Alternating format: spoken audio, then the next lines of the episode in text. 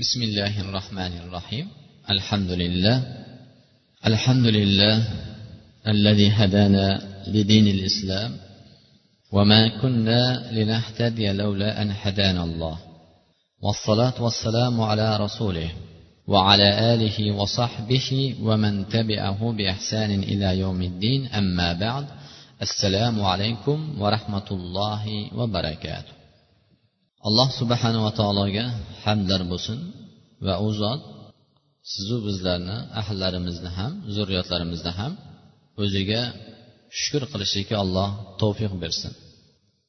Chunki dovud alayhissalom alloh subhanava taologa yo parvardigor yo rob qanaqasiga senga shukur qilayinki vaholanki shukur qilishlikni ham ne'matini sen o'zing tavfiq bergan bo'lsang.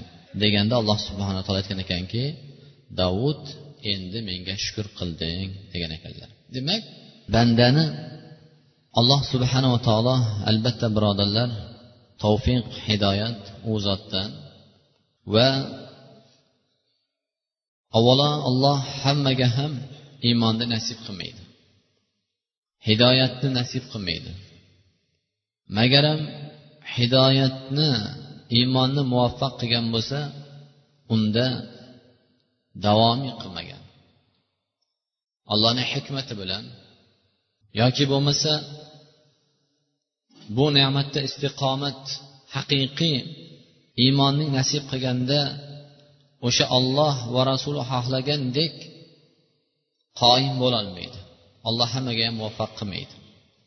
Va undan keyin agar bu bandasiga berayotgan ne'matlariga demak hammani ham shukur etishlikka demak o'sha berayotgan ne'matni ziyoda bo'lishligiga davomiy bo'lishiga sabab bo'ladigan shukurni alloh hammaga muvaffaq qilmaydi. Demak alloh subhanava taolo sizu bizlarga nasib qilgan ne'matida iymonda qoyim qilsin va alloh subhanava taolo buni davomiy qilsin va o'zi yaxshi ko'radigan va rozi bo'lgan holatda amal qilishga alloh muvaffaq qilsin va shukur qilishga alloh muyassar qilsin.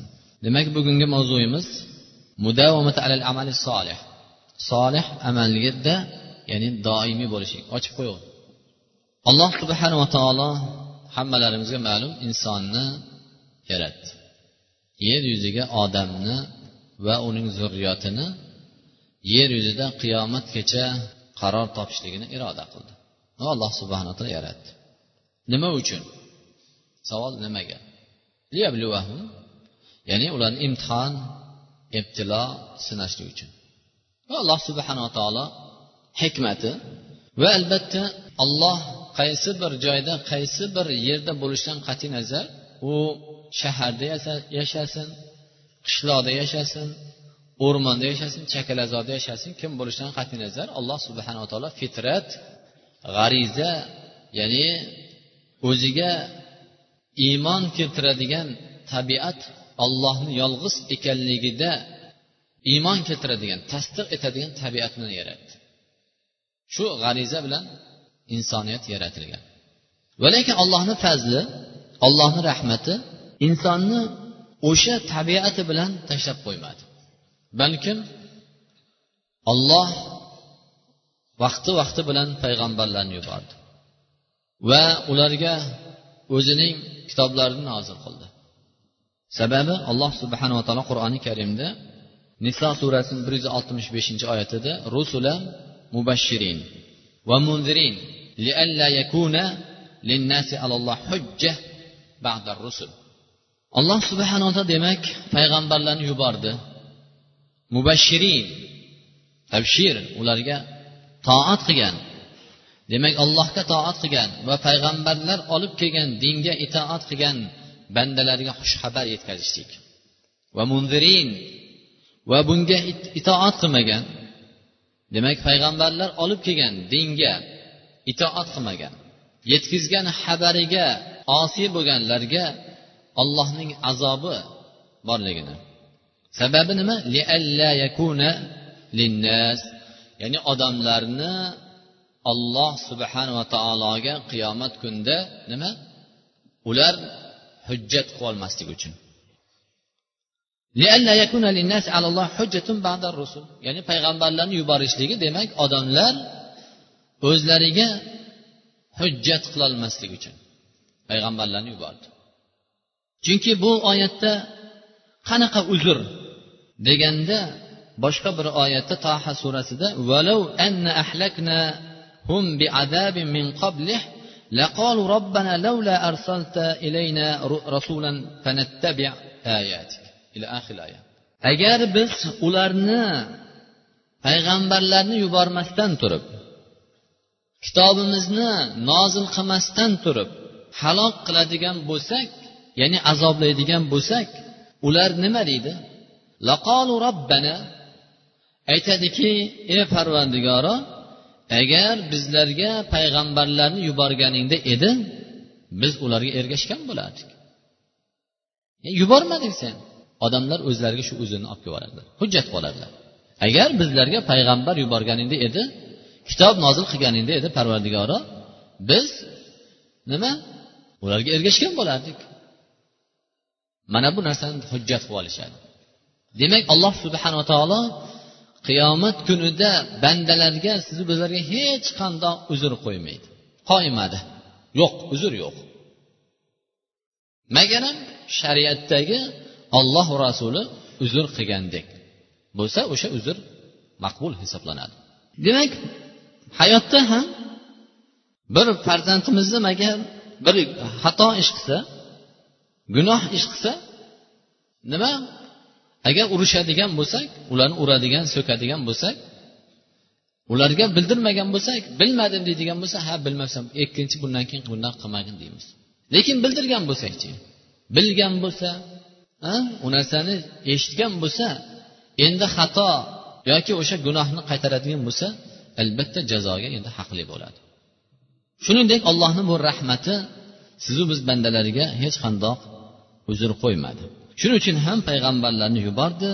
Vaholanki insonning o'zi payg'ambarlar yubormaganda ham kitoblar nozil qilmaganda ham har bir inson o'zi yaxshi biladiki tabiatida qalbida albatta yaratuvchisi bor. Bu dunyo o'z öz o'zidan yaratilib qolmagan bu inson o'z öz o'zidan dunyoga kelib qolmagan. Albatta yaratuvchi xoliq bor ekanligiga qalbida birodarlar hech kimda shubha bo'lmaydi. Demak imom buxoriy imom muslim rivoyat qilgan hadislarda ibn masud roziyallohu anhu aytadilarki anhu aytadilarki qol قال رسول الله صلى الله عليه وسلم لا أحد أغير من الله من أجل ذلك حرم الفواحش ما ظهر منها وما بطن ya'ni ollohdan boshqa ollohdek bironta bir maxluq bironta bir biron bir kishi ollohchalik birodarlar g'ayur emas ya'ni rashq emas harom narsalarda shuning uchun ham alloh subhana taolo fohish ishlarni zohiriy bo'lsin botiniy bo'lsin hammasi nima olloh harom qildi أحب إليه المدح من الله من أجل ذلك مدح نفسه va ollohchalik birodarlar bironta bir zot bironta bir kishi madhni yaxshi ko'rmaydi shuning uchun alloh subhana taolo o'zini nima qur'oni karimda eng avvalgi surasi alhamdulillah qancha oyatlarda o'zini maqtadi madh demak olloh birodarlar ollohchalik hech kim bironta bir maxluqi madhni maqtovni yaxshi ko'rmaydi birodarlar. Shuning uchun ham sunnat inson mo'minlar musulmonlar duo qilishda nima? Allohga hamd aytsin. Qancha bir hadislarda agar kimni ollohga bir e, maxluqga bandasiga hojati bo'ladigan bo'lsa yaxshilab tahorat qilsin e, ikki rakat namoz o'qisin va allohga sano hamd sano aytsin. Degan bir qancha nima hadislar kelgan. Va alloh subhanava taolochalik bironta bir maxluq uzrlik ya'ni uzrni ayta oladigan yaxshi ko'radigan bironta bir maxluq yo'q birodarlar. Nima shuning uchun ham alloh subhana taolo min va shuning uchun alloh subhanava taolo payg'ambarlarni tabshir xabar beradigan xush xabar ya'ni solih amal qilguvchilarga xush xabar va mundirin va ularni gunohlardan azobdan ogohlantiruvchi qilib yubordi. Demak ollohchalik hech kim uzr ayta oladigan hech kim bu darajada bo'lmaydi birodarlar. Har qancha biz uzrnimizni aytsak ham lekin kim bo'lishidan qat'iy nazar ollohchalik uzrni aytadigan zot yo'q. Demak alloh subhanava taolo payg'ambarlarni yuborishligi hikmat demak birodarlar kim bo'lishimizdan qat'iy nazar. Bizni shayton adashtirishi mumkin yoki shayton bizlarni g'ururlantirishi mumkin. Ha san ishlayapsan hozir bola chaqang bor hozir yozsan san ishlamaydigan bo'lsang rizq qayerdan keladi. San endi keyinroq ibodat qilarsan yoki sen bu hozir ishni tashlaydigan bo'lsang qayerdan senga oylik beradi. Ya'ni endi majbursan san degan narsa har xil bahonalar olib kelishi mumkin fatvo olib berishi mumkin. Qalbimizda bizga uzr olib kelib qo'yishi mumkin. Lekin birodarlar bu narsa uzr bo'lmaydi. Chunki bizlarga al halalul bayyin val haromu bayyin. Halol ochiq bayon qilindi va harom ochiq bayon qilindi. Demak kim bo'lishidan qat'iy nazar qaysi tabaqada bo'lishidan qat'iy nazar? Albatta to qiyomatgacha keladigan insonlarga endi hech qanday uzr yo'q. Demak mana shunday ollohni ne'matidan fazlidan oxirgi payg'ambar va payg'ambarlarning sayyidi va xotamul ambiya bo'lgan zot muhammad sallallohu alayhi vasallamni eng yaxshi ummatga payg'ambar qilib yubordi. Va arsalahu bin huda va u zotni olloh hidoyat insonlarga hidoyat olib kelishlik bilan va haq din bilan va bu haq dinni ko'rsatish e'lon qilish yoyishlik maqsadida alloh subhana taolo bu payg'ambarni yubordi. Va rasululloh sollallohu alayhi vasallam bu ummatni demak iymonga da'vat qildi. Demak iymon nima? Deganda iymon inson qalbi bilan tasdiq etishligi va tili bilan nutq qilishligi va a'zolari bilan amal qilishligi iymon mana shu. shuning uchun alloh subhana taolo val asr surasida hammalarimiz ko'pchiligimiz bilamiz. Audu billahi rajim bismillahir rohmanir rohim val asr innal insana lafi husr illa allazina amanu va amilus solihat va tavasav bil haqq va tavasav bis sabr alloh subhanava taolo demak asr bu solatil vusto asr namoziga yoki bo'lmasa zamonga yoki bo'lmasa rasululloh sollallohu alayhi vasallam yuborilgan zamonga qasam ichib. Chunki eng yaxshi asr eng yaxshi davr bu payg'ambarimiz sallallohu alayhi vasallam yuborilgan davr. Shuning uchun ham u zot ya'ni aytadiki xoyrul quruni qarni. Asrning davrning zamonning eng yaxshisi mening davrim dedi mening asrim dedi. Har xil ulamolar bu oyatni tafsirida har xil e, tafsir qilishgan ekan. Demak innal insan lafi husr insoniyat inson jinsi. Albatta hamma insonlar. Kofirlar ham mushriklar ham mo'minlar ham solihlar ham valiylar ham hammasi hasoratda nadomatda.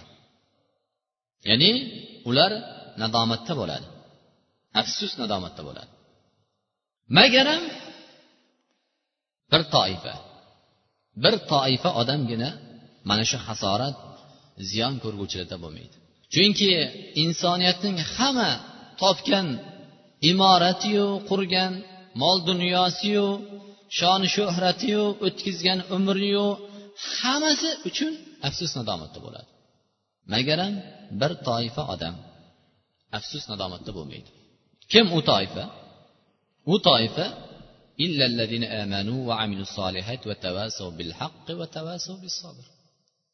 mana shu sifatga ega bo'lgan toifa.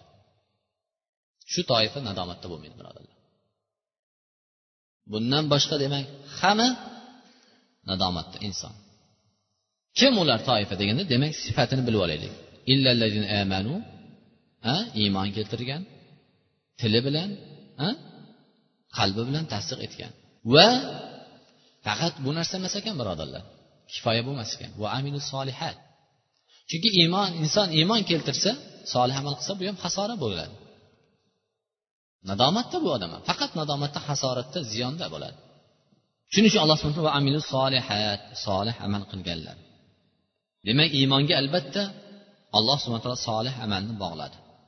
Va tavasov demak bir odam iymon keltirsa solih amal qilsa bu ham kifoya bo'lmas ekan. Bizni eng katta xatoyimiz bugungi kunda xatolarimiz o'zimiz bilsak iymon keltirsak bir solih amal yaxshi amal qilsak bo'ldi shuni birovga birodarimizga ilinmaymiz. Vaholanki bu narsa agar inson iymonda komil bo'lsa ham inson iymonda komil bo'lsa va amallari solih bo'lsa ham lekin birodariga ilinmasa nima?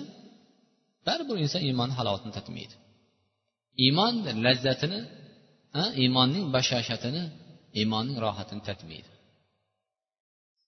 Demak o'zimizga yaxshi ko'rgan narsani toki birodarlarimizga ilinmagunimizgacha iymonni halovati rohati baribir insonga tatmaydi va topmaydi.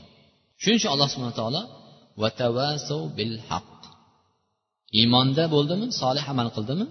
Endi haqqa ham vasiyat qilish kerak birodarlar haqni ham yetkazishimiz kerak. Ha o'zim o'qib olsam bo'ldi bolalarga insof berib qolar ha xudo bunga ham insof berib qo'y yo'q birodarlar. Yetkazishimiz kerak. Birodarlarimizga tushuntirishimiz kerak. Bu insonning hasora ziyon topmaydigan odamlarni sifati. Agar o'zi iymon keltirib solih amal qilsa albatta birodarlar qarangki birodar o'zi iymon keltirdi. Iymonni komil. Mo'min haqiqiy mo'min va solih amal qilyapti. Iymon amallari hammasi solih. So'zi ham amali ham solih. Bu odam ham baribir hasora ziyon ko'radi. Afsus nadomat qiladi. Albatta hasora ko'rguvchi odam. Nima uchun? Chunki olloh aytib qo'ygan sifat yo'q. Bil haq haqqa vasiyat yo'q. Haqqa da'vat yo'q. Birodarlar xatir masala o'zimiz iymon keltirsa birodar bu iymon deganda siz o'ylamanglar oddiy biz ham musulmonmiz deb qo'ygan gap emas bu. Iymonda komil bo'lsa haqiqiy iymonda mo'min bo'lsa va amali solih bo'lsa demak solih amal deyishlikda birodarlar faqat farz emas. Farzlarni yoniga nafl amallarni ham solih amallarni qo'shib olib borgan odam solih deyiladi. Ana shundoq bo'lsayu lekin birovni haqqi yetkazmasa. Demak bu odam ham baribir nima? Afsus nadomat ziyon ko'rguvchi odamdan bo'ladi. Bil haq haqqa vasiyat qiladilar yetkazadilar. bis sabr va ikkinchisi uchinchisi haqqa vasiyat qiladi to'rtinchisi sabrga vasiyat qiladi chaqiradi. Chunki sabr ibodat ham sabr birodarlar. Chunki inson bir toat ibodat qilaman desa ham sabr kerak. Gunohdan saqlanish uchun ham sabr kerak birodarlar. Va alam insonni nafsi yoqtirmaydigan narsani ham olloh shuni taqdir qilibdi manga deb shunga rozi bo'lishlik uchun sabr kerak. Bitta birodarimiz aytadi otasi qaranglar inson tavfiq birodarlar alloh avvalo biz allohga hamd aytishimiz kerak. Chunki tavfiq bu ollohdan dovud alayhissalom allohni payg'ambaridek zot. Yo rob qanaqasiga seni ne'matingga shukur qilay? Vaholanki shukur qilishlik ne'mati ham sendan seni tavfiqing bilan bo'lsa deb tursa. Shukur qilishlik xudoga shukur alhamdulillah deyishlik ham allohni tavfiqi bilan birodarlar. A xudoga shukur deb qo'yish nima deb qo'yish mumkin? La shukur bu inson tili bilan aytsa qalbi aytmasa bu munofiqlik alomati la shukur murod bu yerda til va qalb bilan. Chiqqan shukur bu oyatda hadisda o'sha ne'matlarni ziyoda bo'ladi degan davomiy bo'ladigan shukur o'sha til va qalbdan chiqadigan shukur ko'pchilimizni odatimiz ha xudoga shukur deymiz yonboshlab choy ichsak ovqatimiz ichib qorin to'ygan xudoga shukur yonboshlab yotamiz keyin. Televizorni ko'ray boshqa la la bu yerda shukur undan emas birodar. Shukur til va qalbdan chiqqan narsa. Demak qanaqasi yo rob senga shukur qilishlikki bu seni ne'mating bo'lmasin menga qanaqasi bu ne'matki ne'mat bo'lmasinki men uchun yo rob. Shukur qilishni ham sen o'zing tavfiq bergan bo'lsang.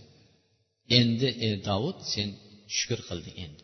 Chunki shukur qilishlikni ollohdan deb bilishlikni o'zi ham shukur haqiqiy bu shukur bo'lar ekan.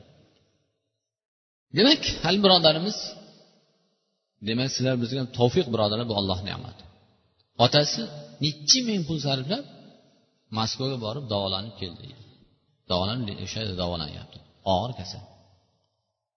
Inson ajibda birodarlar olloh tavfiq bermasa ajib alloh subhana taolo demak sizni bizlarni tavfiqda davomiy qilsin sobit qilsin alloh o'zi adashtirmasin borgan pulini qancha ming pullarni sarflab borib davolanib hikmati uchunda yana qaytib kelishda deydi mana ancha deydi ikkita haligi nima bilan viski bilan konyak ko'tarib ketdi bittasi qancha hajm desa o'n litrdan hajm bor deydi haligi o'zi shuni orqasidan ketgan. Aroq ichishlik orqasidan kasal bo'lgan. Davolanishga qancha pul sarflab ketgan? Yana qaytib kelishda katta katta ikkita idishni ko'tarib ketdi. Ajib birodarlar. Tavfiq birodarlar. Olloh berma man qilib qo'ygan. Shuni orqasidan davolanyapti lekin yana inson birodarlar siz o'ylamanglik bu. Shuning uchun mana shunaqangi ibtilo imtihonni ko'rganda nima deyish kerak? Agar bir inson bir musibatlangan bo'lsa bir gunohdami bir aybmi bo'ladigan bo'lsa shuni ko'rib inson masxaralasa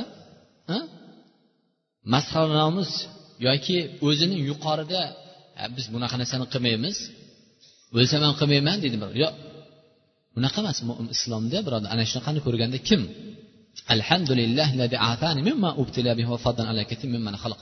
deydigan bo'lsa albatta alloh subhana taolo shu musibatdan alloh xalos qilar ekan shu bandasi. Agar shuni aytmasdan bu narsani biz qilmaymiz ko'ring shunaqa narsa ish qilibdiya yoki ustidan kuladigan bo'lsa albatta inson o'zi o'sha narsani ko'rmasdan dunyodan o'tib ketmas ekan. Demak ollohni ne'mati. Mana bunaqangi holatlarda ham sabr qilishga chaqirishimiz kerak birodarlarimiz. Chunki birodarimiz lekin o'sha inson bari musulmon. Mo'min deydi o'sha musulmonman deydi. Men ham mo'minman deydi. Lekin birodarlar shuning uchun bu birodarlarimizga haqlarimizni yetkazishimiz kerak. Buning uchun albatta bil haq. Haligi solih hasorat ziyon ko'rmaydigan odamlarni sifatini jinsini ega bo'lishimiz kerak. Afzal amal demak amallarning eng afzali va alloh uchun eng yaxshi bo'lgan nima? Eng olloh yaxshi ko'radigan amal nima? Va eng ulug'i eng afzali nima? Ha? Bu amalda davomiy bo'lishligi ya'ni solih amalda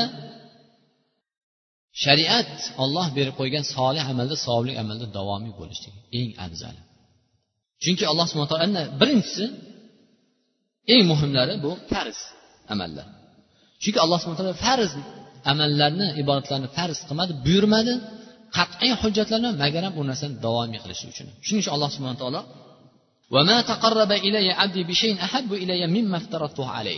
imom buxoriy rivoyat qilgan hadisda bandam biron bir narsa bilan men yaxshi ko'rganchalik menga yaqin bo'lolmaydi magaram bandamga farz qilgan narsani ado qilishlik bilan demak kim ollohga yaqin bo'laman desa birinchi o'rinda nima?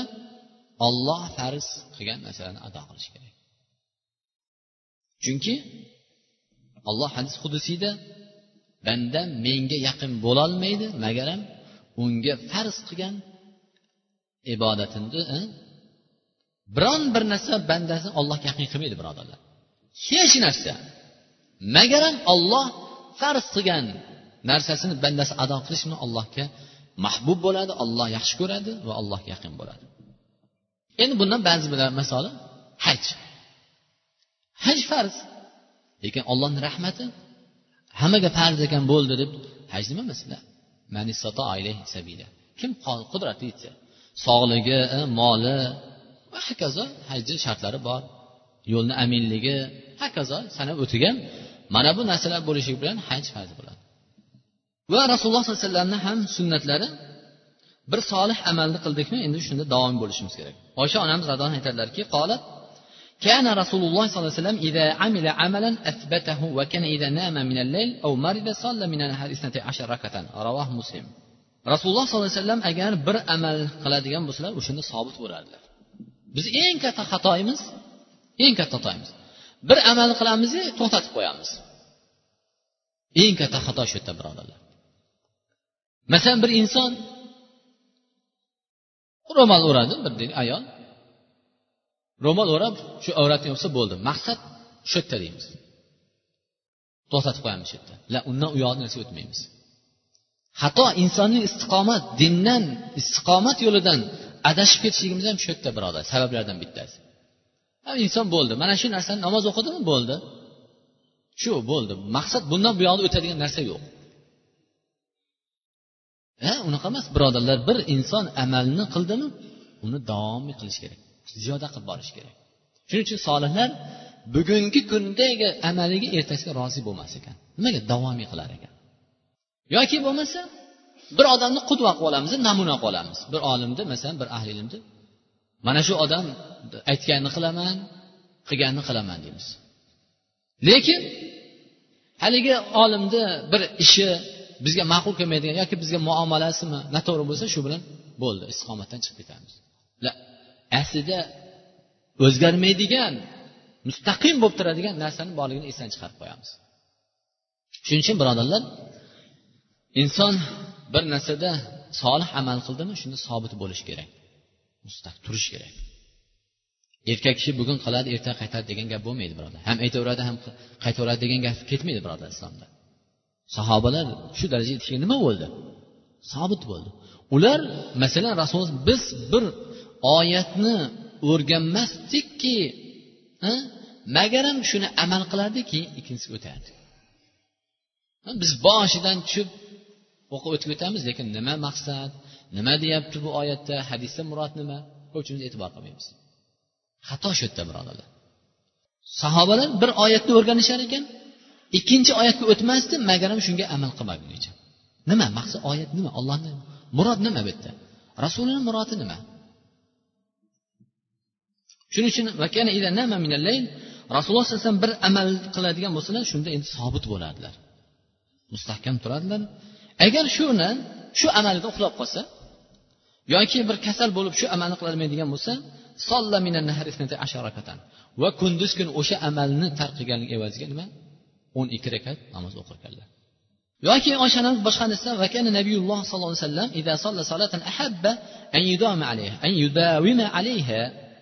rasululloh alayhi agar namoz o'qiydigan bo'lsa yaxshi ko'rar ekanlarki o'sha narsani davom o'qib ketishdi.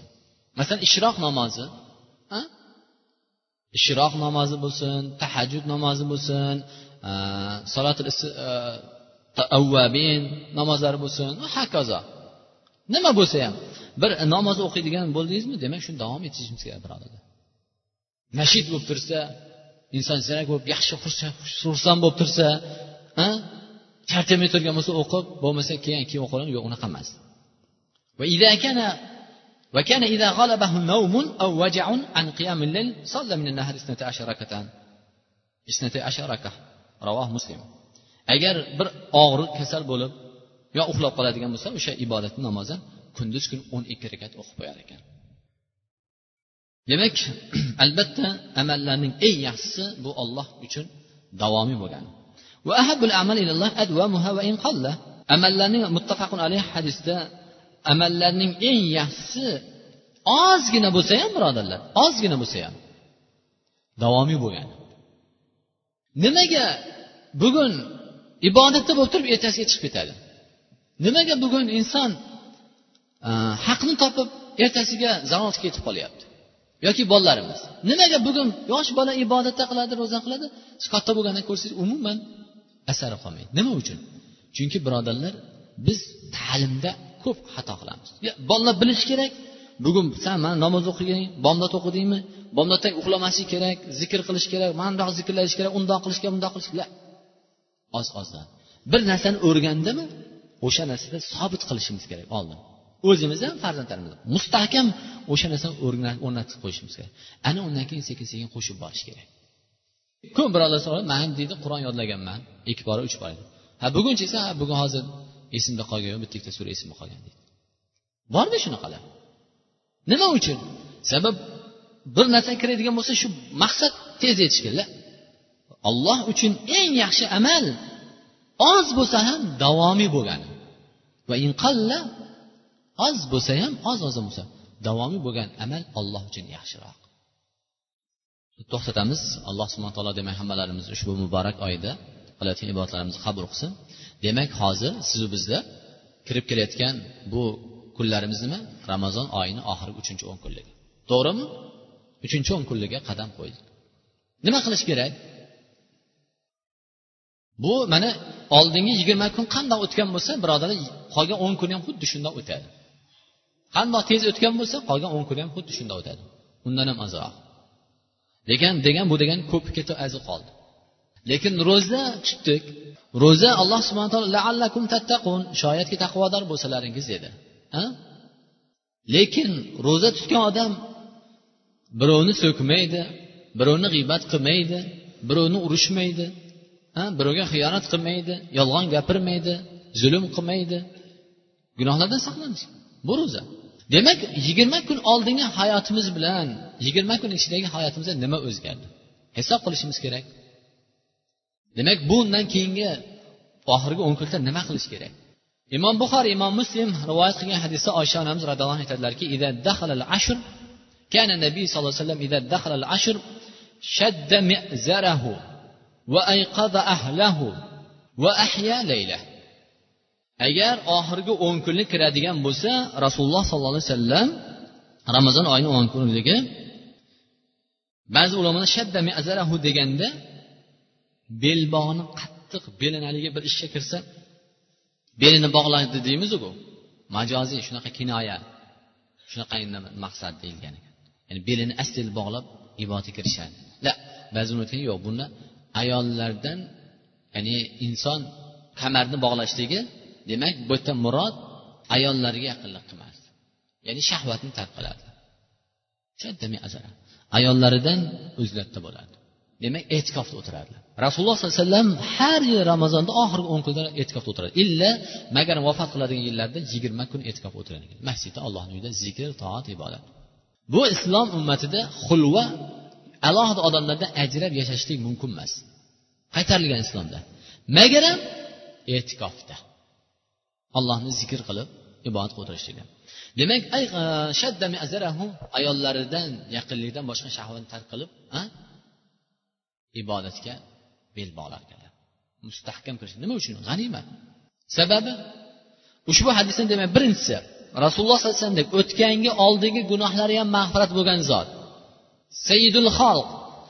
Va olloh uchun payg'ambarlarning sayidi bo'lgan va maxluqlarning sayidi bo'lgan maqomul mahmudni egasi bo'lgan shafoatni egasi bo'lgan shafaatul ug'ma va jannatga birinchi kiradigan odam oldingi o'tgan gunohlari mag'firat bo'lgan zot payg'ambardek zot ibodat qilishar ekan. Va ahlah ahllarni uyg'otar ekan birodarlar. Farzand ahli ayolni uyg'otar ekan. Ey tur endi ibodatga. Shuning uchun hasan ibn solih rahmatulloh alayh onasi ukasi bilan kechani uch qismga bo'lishib olgan ekan. Bir qismini onasi turib ibodat qiladi kechasi bilan keyin ikkinchi qismi ukasini uyg'otadi. Yo hasan. Uyg'otadi va undan keyin ukasi ibodat qiladi va oxirida akasini uyg'otadi.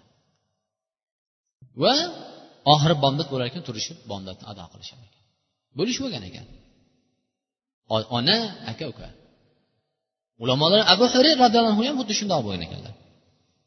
Bo'lishib olgan ekan abu hurir roziyallohu onalari bilan kechani ikki qismi bo'lib olgan ekan. Va hasan ibn solih onalari vafot qilgandan keyin aka uka kechani ikki qismi bo'lishib olgan ekan. Bir qismida ukasi uxlaydi ibodat qiladi bir qismida uyg'otadi unisi uxlaydi demak hech bo'lmasa birodar shu oxirgi o'n kunlikni g'aniyat bilishimiz kerak.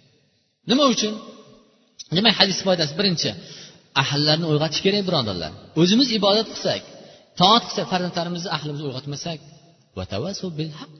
haqqa vasiyat qiladigan ziyon ko'rmaydigan solih amallarni sifatini tasvir yo'qotib qo'yamiz. Xatoyimiz ham birovni bolasiga qaraymiz lekin o'zimizni ahllarimizni farzandlarimizni esdan chiqarib qo'yamiz. Shuning uchun alloh o'z ey mo'minlar o'zlaringizni va ahllaringizni dedi. Hamma shu yerda o'tirgan odam masalan nechta odam bo'lsa shu yerda. Mana hozir alhamdulillah masjidimizda hamma juma. Har bir o'tirgan odam agar uyimizda ahllarimizni farzandlari bilan ta'lim tarbiyasi mashg'ul bo'lsa yetadi boshqa birodar boshqa narsa kerak emas. Biz ko'chada o'tib ketay turgan ko'chada yurgan boshqa narsa emas hammalarimiz shu yerdanglar masalan borib o'zimizni ahlimiz farzandlarimizni axloq odob bilan mashg'ul bo'lsa yetib ortadi bizga birodarlar. Hammasi o'z o'rniga keladi. Hech bo'lmasa farzandlarimizdan bir haftada bir marta bo'lsa ham bir ollohni kalomini o'qib yoki bir hadisni bir o'tirib bir iymonlashib o'tirganimiz kam ichimizda. Hammamiz o'zimiz yaxshi bilamiz holatimizni o'zimiz yaxshi bilamiz. Va ahya layla kechasini tildiradi. Uxlamas ekanlar rasululloh sallallohu alayhi vasallam. Kechasi uxlamas ekanlar. Demak oxirgi o'n kunlikda a biz kunduz kuni ham uxlaymizku masjidga kelsa uxlaymizku. Ha? Namozga kelsa uxlaymiz. Rasululloh sallallohu alayhi vasallam sahobalar kechasi uxlamas ekan. Vaholanki uyqu talab qiladigan uyquga mushtaq bo'lib turgan vaqt. Nima uchun? Oxirgi o'n kunlikda. Chunki fihi nima? Laylatul qadr. Xayrun min alfi shahr. Bu oxirgi o'nlikda laylatul qadr kechasi qadr kechasi bor. Va bu qadr kechasi nima? Xayrun min alfi shahr. Qadr kechasi bo'lmagan ming oydan ko'ra yaxshiroq. Bir marta qadr kechasida qadr kechasida. Duo qilib allohga iltijo qilinib agar qadr kechasini topgan inson bo'lsa u inson qadr kechasi bo'lmagan ming oy ibodat qilgan odamni savobini topadi. Hazilmi? Bu rahmatmi? Bu kecha faqat bu ummatga ya'ni siz biz ummat muhammad sallallohu alayhi vasallamga bergan allohni fazli. Faqat shu ummatga berildi bu fazl. Sahobalar solihlar bu oxirgi o'n kunlik kelganda har kuni g'usul qilib yuvinishar ekan va eng xushbo'ylanar ekan. Eng yaxshi atirlarni sepishib oxirgi o'n kunni shunday qarshi olar ekan. Sufyan savriy rahmatulloh va hokazo boshqa ulamolar solihlar. Shuning uchun birodarlar ahllarimiz bilan hech bo'lmasa oxirgi o'n kunlikda o'zlarimizni ibodat qilib bu kechada qilingan duolarimiz agar kim laylatul qadr kechasini topadigan bo'lsa ha bu kechada qoyim bo'ladigan bo'lsa o'tgangi gunohlarini mag'firat qiladi dedi. Xayru min alfi shahr birodarlar. Va ming oydan yaxshiroq qadr kechasi yo'q oydan va qadr kechasida nima qilish kerak ko'proq? Ko'proq duo qilishlik. Namozdan ham ko'ra ko'proq duo qilish kerak. Ekan shuning uchun oysha onamiz radhiyallohu yo rasululloh agar men qadr kechasini topsam nima qilay? deb so'ragan nima amal qilay? deganda nima? dedi. Allohimma innaka afuvun karimun tuhibbul afva fa'fu anni duosini aytgin dedilar. Gunohlarni afu yo'q qilib o'chirib yuborish so'ragan allohdan shuning uchun qadr kechasida qilinadigan namoz o'qisak ham ko'proq ruku sajdalarda duoni ko'paytirishimiz kerak. Duoni ko'paytirish kerak birodarlar. Chunki duochalik insonga birodarlar foydali manfaatli narsa shuning uchun duo muhul ibada ibodatning mag'zi duo. Nima uchun? Chunki duo qiladigan odam yo rob inson o'zi muftaqir faqir bo'lib turgan inson hojatini beradigan zotga iymon keltirgan odam duo qiladi. Va sallallohu alayhi muhammad alloh duolarimizni qabul qilgin. Yo robbi bu oxirgi o'n kunlik kirib kelayotgan ramazon oyini parvardigora bizlarni bizlarga kuch quvvat ato qilgin. Olloh iymonlarimizni salomat qilgin. Iymonlarimizni ziyoda qilgin. Qalblarimizni iymon nurlar munavvar qilgin.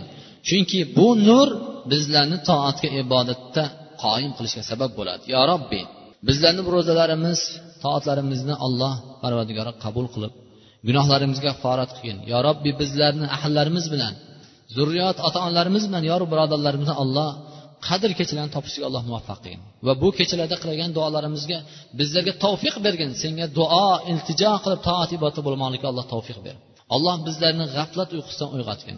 Qalblarimizni ochgin yo robbi. Shirkdan kufrdan nifoq maqsadidan alloh salomat qilgin. Va parvadigoro bizlarni duolarimizni qabul qilgin. Xonadonlarimizni alloh tinch qilgin. Alloh dinimizga izzat quvvat mo'minlarga sharaf ato qilgin yo robbiy yurtimizni alloh tinch qilgin. Vatanimizni ham yeru osmondan bo'ladigan balolardan alloh o'zing asragin. Yo robbiy bizlarni bir bilan o'rtamizda ixtiloflarni alloh o'zing saqlagin. Alloh fitnalardan alloh o'zing asragin. Bizlarni jamoatimizni parvardigora bandalaring orasida yurtimizda tafriqa keltiradigan fitna ixtiloflardan alloh o'zing asragin. Ko'targin parvardigora. Tashqi dushmanlarni alloh o'zing asragin. Rahbarlarimizni ham xayrlik sharli ishlarga alloh rivoj bergin. Yurtimizni tinch qilgin. Yo robbiy bizlarni o'qigan eshitgan ilmlarimizga o'zlarimizni amal qilishga alloh muvaffaq qilgin. Va buni yetkazishlikka alloh bizlarga tavfiq bergin. Va sen bu ilmlarimizga amal qilishlikda endi olloh o'zlarimizga ham ahillarimizga ham birodarlarni zurriyatlarimizga alloh endi sabr chiroyli sabrdan ato qilgin. Allohumma ijal xayra umrina axira va xayra amalna xavatim va xayra parvardigor birodarlarim duo talab ekan. Alloh shar'iy ishlarga rivoj bersin shar'iy narsalarga muyassar qilgan birodarlarimiz bor yaxshi ishlar ochgan alloh parvardigori u ishlarga rivoj barakatlar ato qilsin. qarzdorlarimiz bor qarzdan ado qilishga muvaffaq qilgin parvardigor o'zing yetkazgin g'oyib yoyingdan va parvardigor musibatlangan bemor birodarlarimiz bor alloh musibatlarni dardlarni alloh ko'targin va parvardigora muhtoj birodarlarimiz bor hojatlarni alloh o'zing muyassar qilgin اللهم إنا نسألك الهدى والتقى والعفاف والغنى وصلى الله عليه وسلم محمد اللهم